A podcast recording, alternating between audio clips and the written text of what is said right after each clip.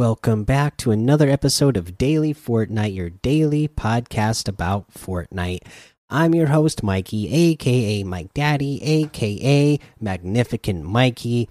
Not a lot of news today. Again, uh, depending on where you were are in the world, uh, maybe you were playing Lachlan's uh, Pickaxe Frenzy tournament today. I did with my son and my wife and you know what? We had a absolute blast. It was fun right? It was like you know just picking up decoys the uh, impulse grenades and rusty cans and throwing them at people. It was a lot of fun.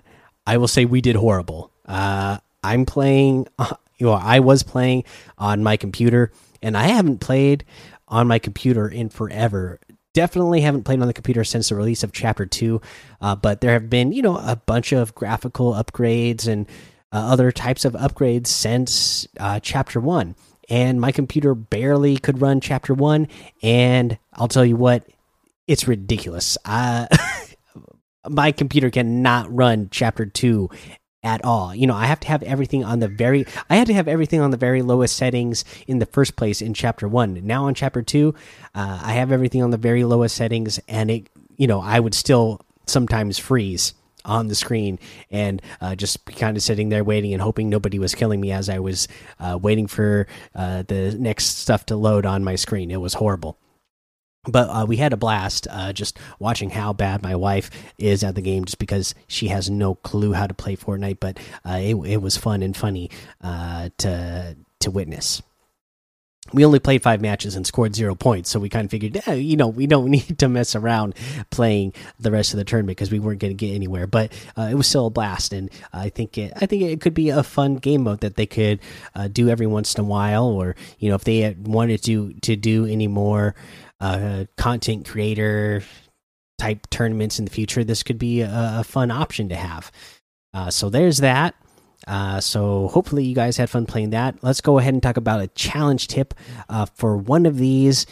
Uh, when for the riffs, all right. Uh, eventually, you're going to have to get, use ten riffs in a single match, which sounds like it could be pretty hard to do, but not necessarily because here's the thing is you just have to use a rift it doesn't have to be different rifts so you can potentially use the same rift twice in a row before it disappears. Because when you use a rift it starts to deteriorate right? The portal starts to deteriorate but not right away like it doesn't disappear right away.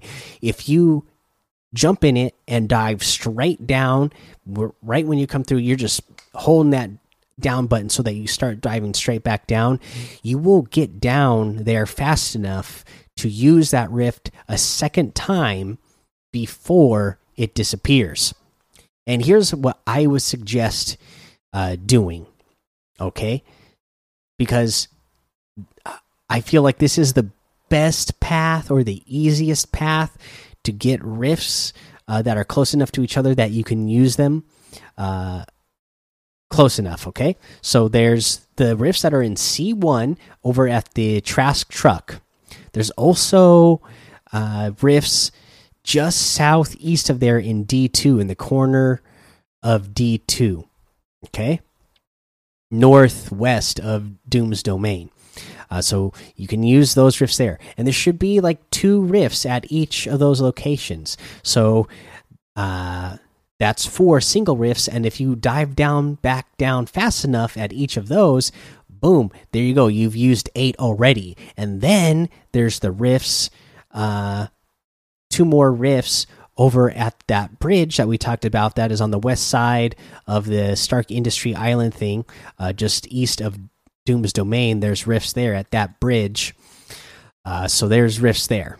Okay, and just going to those that those three locations right there would be enough if you went into the uh, rifts in those locations twice each. Because again, there's going to be two rifts at the Trask truck, so you can get there four times total. Uh, and then in that little uh like house area uh, in D2. You know, there's two more rifts, so you should be able to use uh, use rifts four times the total there. So there's your eight, and then just go to that bridge. So boom, right there. But if you need to know, uh, you know, if that's not working out for you, you know, you can hit those uh, rifts at the what you call it, the bridge there uh, west of Stark Industries, and there's the one that are just south of Craggy Cliffs. Uh, in E2, there's uh, some west of Steamy Stacks in G2. There's some in G3 uh, at the bottom of G3, and then west of Stark Industries at the bottom of the mountain in E4. So you can go all the way around the Stark Island, Stark Industry Island thing, the upstate New York island.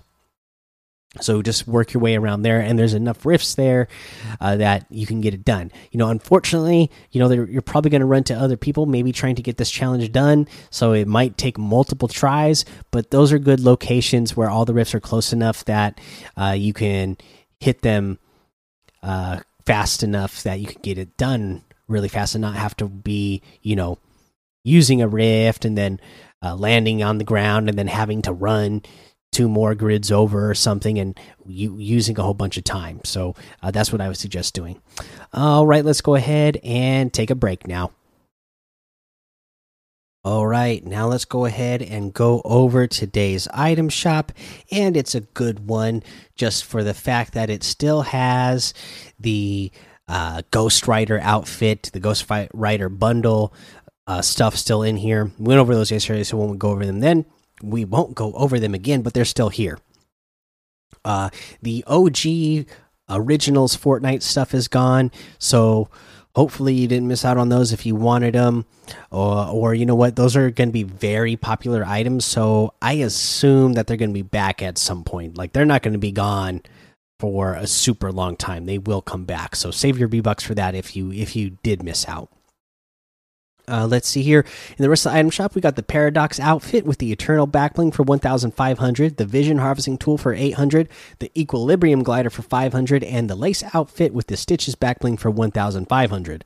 You have the Dread Fate outfit with the Dread Shield Backbling and the Dread Strikers Harvesting Tool for 1,800, the Dread Omen outfit and the Dread Shroud Backbling for 1,500, uh, the Dread Oracle Axe harvesting tool for 1200 uh, we got the uh, tempest outfit with the lightning cloak backbling for 2000 the bolt outfit for 800 the storm bolt harvesting tool for 1200 storm eye glider for 1200 and the turbulent wrap for 500 you got that moxie outfit with the moose backbling for 1200 the clobber axe harvesting tool for 800 the faded cool wrap for 300 uh, the spark plug outfit with that scrappy backbling for 1200, the Jabba Switchway emote for 500, the Go Mufasa emote for 500, the Rage Quit emote for 200, the device music for 200, and the Gauge outfit for 800.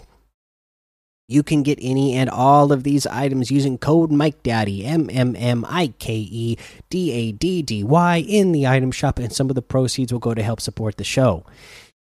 Now, unfortunately, you know, I couldn't give any tips for the Lachlan's Pickaxe Frenzy beforehand because we had never gotten the game mode before. But now we have it, so if we ever get a tournament like that in the future, or if the game mode ever comes back again in the future, I'm going to give you a tip for it now, and it is that the impulse grenades are the strongest weapon in that mode. Yeah, you have the rusty cans, but when you throw them and hit them, uh, and you actually hit somebody, they're only doing 10 damage, and the pickaxe itself does 20, right? Uh, and they're. You really have to be with that rusty can. You really have to be anticipating where your opponent's going to be throwing. Because if you throw it at where they are, they're going to be running right, and then you're going to miss. So you got to be throwing it to where they're going to be. So I guess there's a little tip on that. But the main thing is make sure you stack up as many impulse grenades as you can.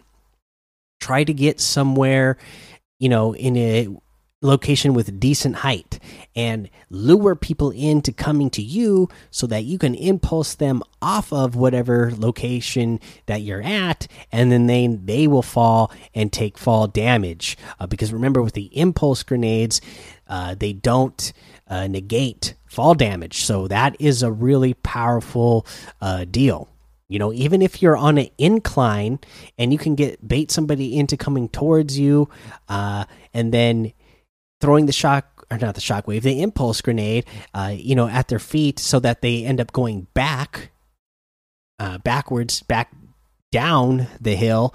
Uh, but you know, got to try to place it at the front of their feet, uh, so that way they go up and back, and then they fall even further and take that fall damage and uh, hopefully get eliminated. So that's what I would suggest doing is uh, stacking up on those uh, impulse grenades for sure.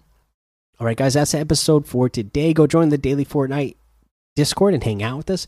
Follow me over on Twitch, Twitter, and YouTube. It's Mike Daddy on all of those. Head over to Apple Podcasts, leave a five star rating and a written review, and you're going to get a shout out on the show.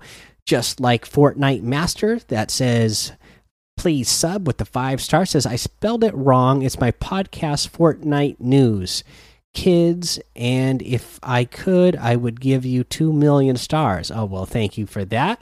And uh Fortnite news is that your podcast? Then uh, I'll have to look it up. Uh, we had the Mine Bucks dude gave it five stars with the amazing title. Says this podcast is amazing, and I listen to it every night. Best podcast ever. Well, thank you, thank you. We got one that says no, five stars, but it does say, Mikey, I'm sad. I play Fortnite creative mode every day. Over the past two weeks, one person at least every day has called me mean names and bad words. I'm thinking about quitting, but I wanted to ask you first. You have such great show and personality. Personality, I will keep listening even if I quit. So that's very generous and kind of you. So already right there, that tells me that you must be a really good person. If you, uh, you know, even if you quit playing the game, that you would still be willing to and wanting to listen to the show just to help support the show, which is awesome. But I will say, you know, if you are playing and it's getting to that point, I wouldn't blame you for quitting, but at the same time, you got to know what mode you're going into, okay? If you're going into a creative mode and you're playing on a creative fill, you don't know what you're going to get. Uh, so you might just need to change up what you're doing. Uh, you might have fun in those creative modes, uh, but you might try going into uh, you know a creative and you might just not join uh, the the voice chat party you know just doing that. I know i do that a bunch. If uh because every once in a while especially if i really am in the mood for playing zone wars i will go into zone wars. And even when the people aren't being mean and toxic sometimes I just got to turn it off anyways because when you're in there with 15 other people and everybody's talking at the same time, I can never understand what anybody's saying anyways. Uh, so uh, a lot of times I just don't even listen to the the the group chat uh, when even when you're doing a creative fill and you're joining other people. I mean, especially if you're not on uh, going to be playing a game where you're where it's important to be on other people's teams. Uh, especially if you're playing a creative mode, I don't know because you don't say what creative modes you're playing. So especially if you're playing creative mode where you're not even on anybody else's team anyway, there's really no point of even having that voice chat on. So I would just turn it off, and maybe you could still have fun playing uh, in the creative mode that way. Uh, you know, and then other than that, yeah, that's just uh, I'm you know I'm I'm sad to hear that that's horrible that you are having uh, that experience. Uh, but uh, you know if if there's anything else you can do to avoid it, uh, I would. You know, and like I said, just uh, turning off that voice chat when you go in. Uh, you know, maybe you, you know uh, you could join the Discord and see if you can find a group of people that would play with you regularly, or just join up. You know, even myself, I'm in different. I'm in other Fortnite Discords, and you can find groups of people that will play with you. You know, it it would benefit you to be in multiple groups. Uh, you know, I'm in. All kinds of groups for in discords uh, of different interests that i have uh, and even you know say like football uh, for instance i'm in multiple football discords because uh, there's just different groups of people that I like to talk to, and it gives me more opportunity to talk to people because not everybody's on at the same time, right? So uh, even if you aren't in the daily Fortnite Discord, it would definitely benefit you to be in three or four other uh, Fortnite uh, community Discords as well. That way, uh, you can hopefully always find people who are you know willing and able to play when when you are. Uh, that way, you know you can get to know and make friends with people, uh, and uh, deal with that toxicity toxicity a lot less because you know usually when you get to know people and become friends, they're a lot less toxic when you're playing with them. Okay, let's see here. What's the next one? We got one. Oh, I think that's it actually. So, thank you everybody for those five star ratings and reviews. I really appreciate it. It really helps out the show. Uh, until next time, have fun, be safe, and don't get lost in the storm.